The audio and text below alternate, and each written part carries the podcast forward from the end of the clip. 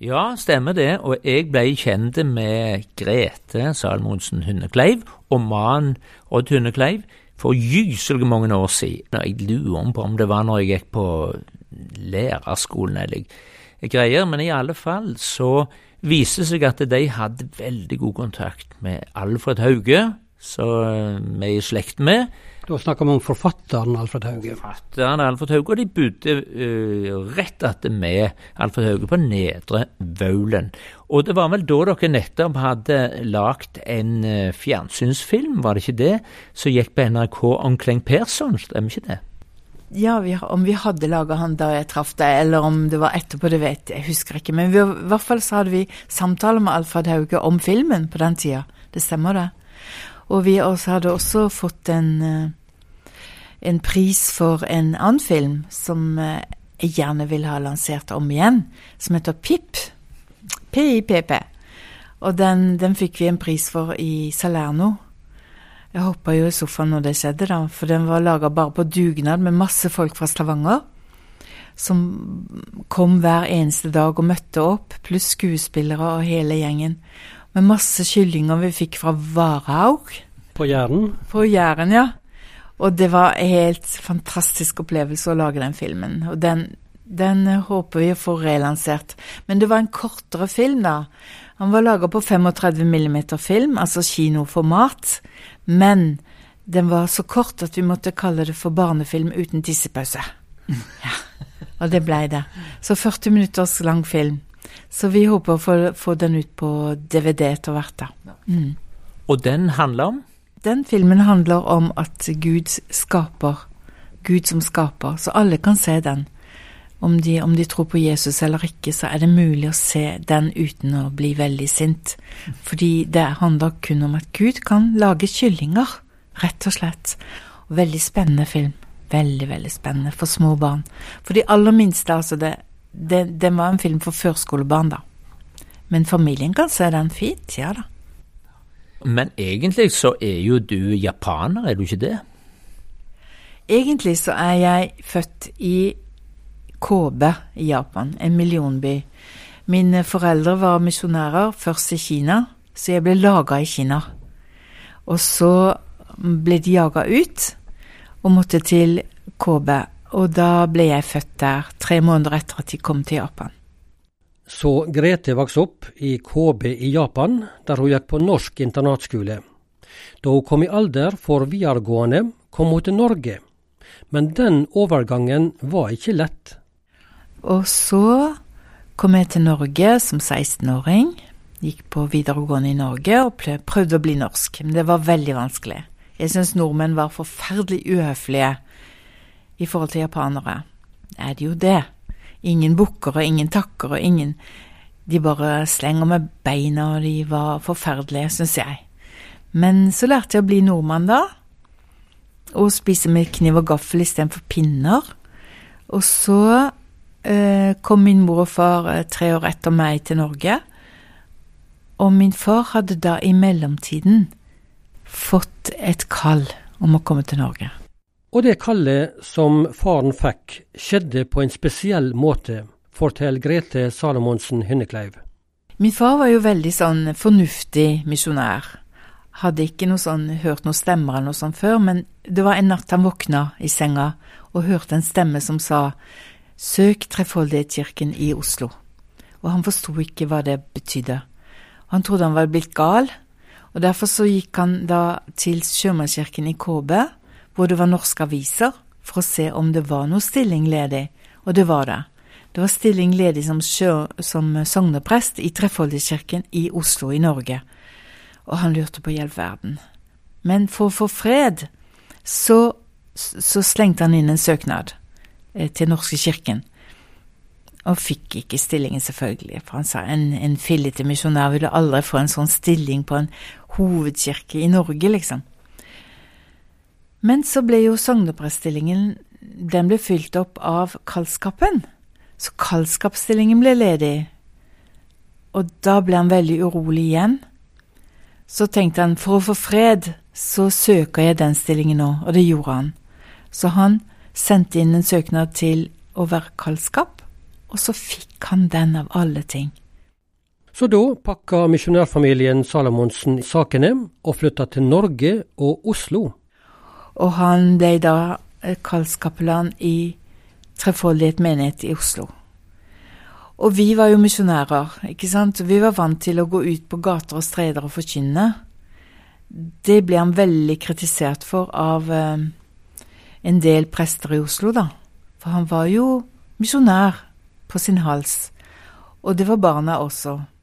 Og vi barna ble jo satt til forskjellige ting, og vi var med og hjalp til i menigheten. Og de som var kommet til Trefoldighetskirken i Oslo, oppdaga at de var kommet til ei stor kirke med god plass, forteller Grete Salomonsen Hynnekleiv i dag. Men det vi oppdaga var jo at dette var en veldig stor kirke, med plass til 2000 mennesker. Men det kom bare Det var kanskje to benkerader som var fulle. Det var ikke så mange engang, som kom hver søndag. Og det var veldig stusslig. Og jeg oppdaga vel at sognepresten var veldig opptatt av hvor mange centimeter det var mellom lysestakene. Mye mer opptatt av det enn hvor mange som kom i kirka. Og det forstyrra oss veldig, da. Så vi begynte å be, og så samla vi en del ungdommer til å be hver eneste dag om at eh, vi måtte få flere folk til kirka. Og far spurte da organisten om ikke jeg kunne få lov til å spille gitar uh, og, og, synge på en gudstjeneste, men det var absolutt nei, nei. Det var ikke lov å spille gitar i kirka. Denne organisten han var helt imot at man spilte noe annet enn orgel i kirka. For orgelet, det var Jeg vet ikke om det var hellig eller hva det var, men andre instrumenter kunne vi ikke ha. Men dette her som skjedde rundt miljøet i Trefoldighetskirken, hva førte det med seg konkret for, for ditt engasjement? Jo, det var, var helt fantastisk, for uh, vi, jeg gikk jo Jeg begynte på bibelskolen i Staffels gate, og der fikk jeg da veldig input av, av uh, Og fikk enda mer fyr på meg til å gå ut og forkynne, ikke sant. Så jeg gikk i Slottsparken og, og forkynte der, helt til politiet kom til min far og sa er dere klar over at deres datter uh, røyker i parken?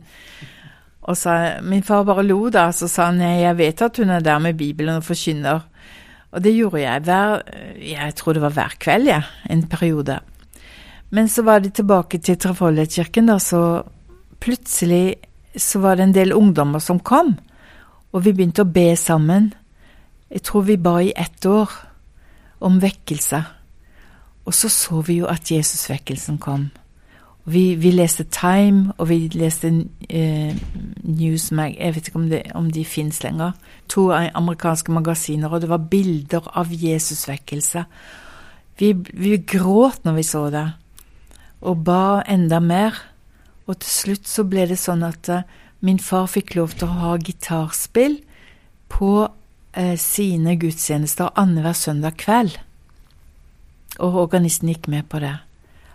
Og det ble altså eh, Det var jubel i stua da, vet du, når, når, det skjedde. Jeg vet ikke om dere husker sånn stensiltrommel? Ja. De installerte opp sanger på en sånn trommel enn 200 stykker. Men det kom jo bare 20 stykker første gangen det var eh, gospelkveld i Trefoldighetskirken, kalte vi det. Og så gikk de ut på gater og streder og inviterte folk, forteller Grete. Neste søndag, altså to uker seinere, så gikk vi ut på gater og streder og innbød folk fra Karl Johan og rundt omkring, og spilte og sang en time før gudstjenesten skulle begynne. Og da kom det 200 mennesker inn. Men tredje gangen så var det stappfullt. 2000 mennesker i Trefoldighetskirken, og det var en vekkelse som varte i ti år. Ti år annenhver søndag kom det 2000 mennesker inn i Trefoldighetskirken. Og det skapte en veldig, veldig eh, kultur da, utover. Og meningen, Det var jo ikke sånn at min far ville stjele folk fra andre menigheter til å komme til vår kirke. For hver gang så var det jo vekkelse, det var folk som ble frelst. Men de ble da bedt om å gå til sine egne menigheter og være fyr og flamme der. Uh, og det gjorde det, heldigvis. Men de kom til Trevollighet på søndager for å få mere. Og Jesusvekkelsen som Grete Salomonsen Hynnekleiv forteller om fra ungdomstida si på 1970-tallet, den setter sitt preg på ulike kristne miljø rundt om i landet. Og det var mange mennesker som ble frelst og berørt av denne vekkelsen. Grete forteller videre fra tida i Oslo at mange narkomane ble frelst. Et fellesskap med navnet Guds fred ble etablert, og de fikk kjøpe en gard til diakonalt arbeid i Lommedalen utenfor hovedstaden. Og for Grete var det med kristen tru og kristen misjonering noe hun hadde med seg fra oppveksten da foreldra var misjonærer i Japan. Nå har jeg ikke visst om noe annet liv enn det å være kristen og være misjonær. Jeg vokste opp i, i buddhistmiljøet i Japan, hvor det var veldig um, de, var, de, var, redde for gudene sine. Det var forskjellen på min gud og deres gud, og jeg fikk jo se folk bli frelst der.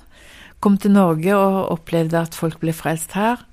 Har jo, jo vært, jeg har jo vært gjennom opp- og nedturer, ikke når det gjelder tro. Jeg har alltid trodd på Jesus og alltid trodd på Gud hele mitt liv. Men, men livet har jo vært tøft, da. Opp og ned. Men Gud har vært med gjennom hele veien, gjennom alle ting. Og det har vært eh, fantastisk eh, å få være med og få lov til å, å forkynne. Vi har besøk av eh, Grete Salomonsen Hynnekleiv. Hun er kjent som filmregissør, men hun spiller på flere strenger, Torolf? Du er jo musiker, og du spiller jo gitar, men du spiller et annet instrument òg. Å oh, ja. du har avslørt det, du. Ja. Jeg, jeg spiller koto. Eh, japansk instrument med tolv strenger. Det er vel et av de eldste instrumentene i verden. Det er eh, et av de eldste som har noter. Så jeg spilte koto en god stund, helt til jeg traff eh, en Lande. Henne må dere få til å spille koto, altså.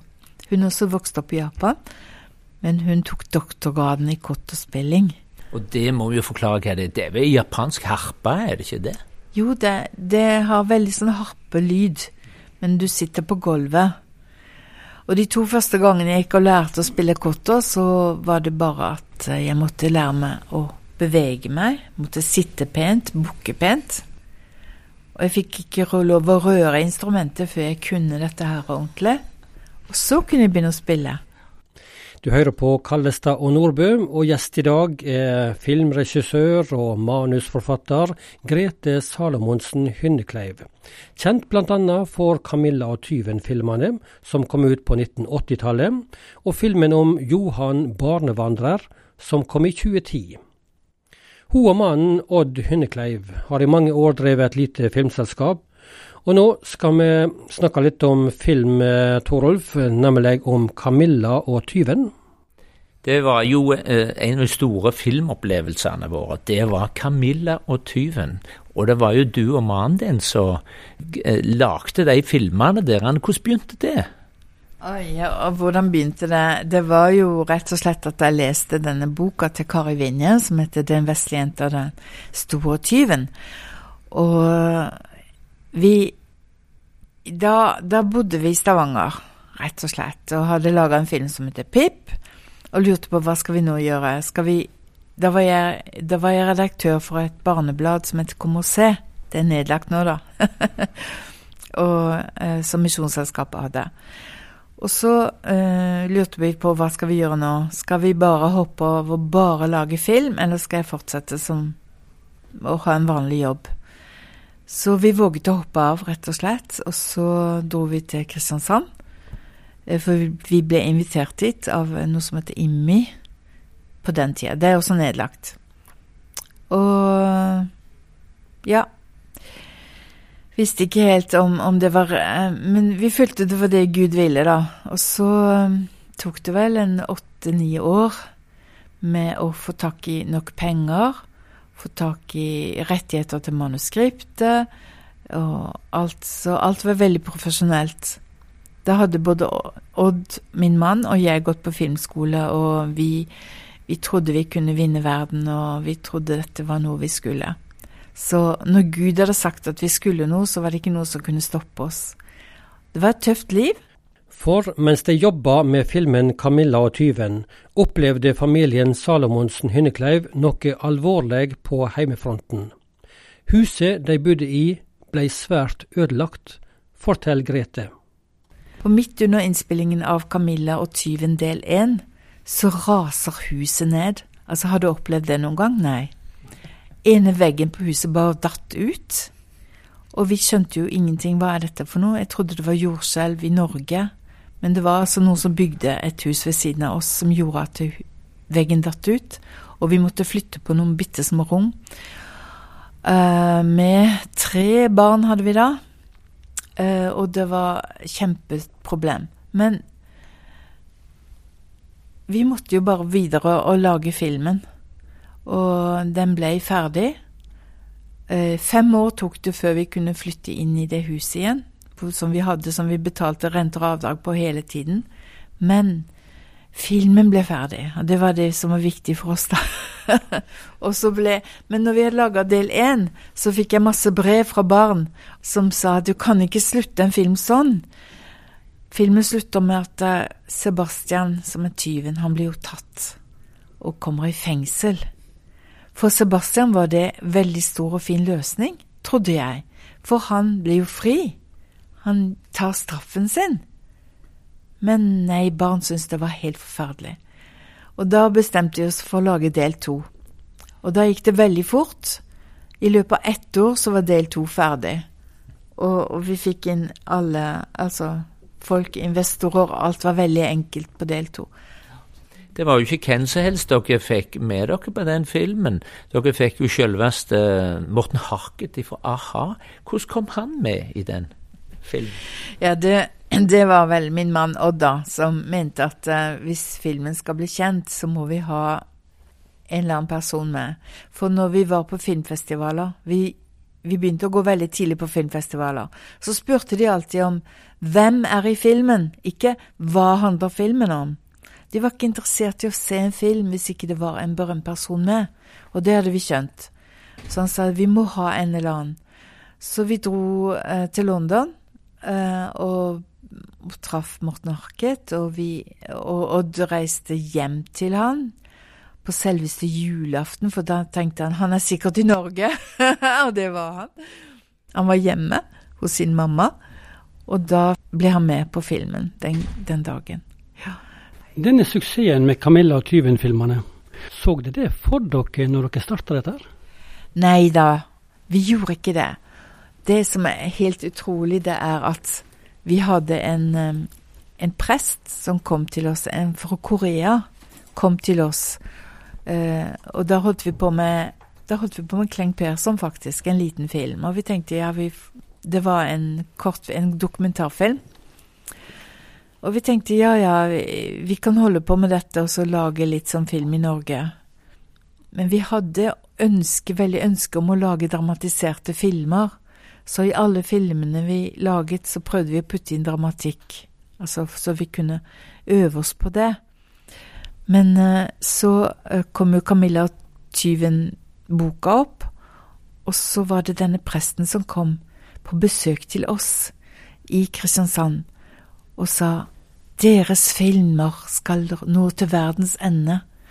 Og jeg husker både Odd og jeg bare lo av han. Nei, ikke tale om. Det er jo bare tull. Men var vel etter at Camilla og tyven var ferdig, så, satt, så dro vi til Japan en tur, hele familien, for uh, jeg hadde lyst til at alle skulle komme til Japan. Så satt vi på toget, og så hadde Odd solgt filmen til Japan, og så så jeg ja, den var dubba til japansk. Da begynte jeg å grine. Da skjønte jeg å ja, han hadde rett. Filmen har nådd til verdens ende. Så den blir solgt til mange land, ja. Ja, her har vi jo Grete Salmonsen Hundekleiv som gjest i dag. Hun er regissør, hun er manusforfatter og visesanger. Et veldig spennende liv. Du fortalte før intervjuet her at senere år har du vært en del plager med, med sykdom. Kan du fortelle litt mer om hvordan det har vært? Midt oppi prosjekter som du gjerne vil holde på med? Ja, det, det har vært litt tøft. Um, det har vært tøft hele veien, fordi da jeg fikk kreft Jeg har hatt kreft to ganger nå. Første gangen var jo akkurat idet vi fikk nok penger til å lage en film som het Johan barnevandrer. Og den filmen måtte vi bare lage. Men prospektene for at jeg skulle leve videre, den De var så små at uh, alle barna kom hjem for å hjelpe meg å lage film. Og da blir det en så velsignelse, bare det. Så jeg har fire barn, og alle kom til Kristiansand og hjalp til og hadde hver sin rolle i filmen. Eh, mange vil jo kalle det nepotisme, men for meg var det en stor velsignelse at de var med. For uten de så tror jeg ikke jeg hadde klart det. Og min mann var jo på kamera da. Og, men så hadde vi jo, var det ikke 50 stykker utenom, som var med å arbeide på filmen. Og vi, vi gjennomførte det og fikk prosjektet ferdig. Og jeg overlevde. Og jeg lever. Og så, en lang historie, så havna vi på Evje, hvor vi bor nå, og så fikk jeg kreft igjen. Og det var like tøft. Men begge gangene jeg hadde kreft, så var det jo å be til Gud om å bli frisk. Men jeg opplevde noe veldig stort første gang jeg hadde kreft. For en god venninne i USA inviterte oss over og sa at eh, det, fins en kirke her som har en kreftfri sone, sa hun. Og hun ville betale billetten til oss dit. Så vi, vi dro til Bethel Church i California og eh, var der og jeg ble bedt for, men jeg ble jo ikke frisk. Men det som skjedde, var noe helt annet. Det var en veldig sånn dyp greie i hjertet mitt som jeg ikke var helt klar over. Det var et menneske jeg ikke hadde greid å tilgi. For, for selv da jeg var liten, så, så, jeg, så opplevde jeg overgrep av en lærer. Og mange ganger.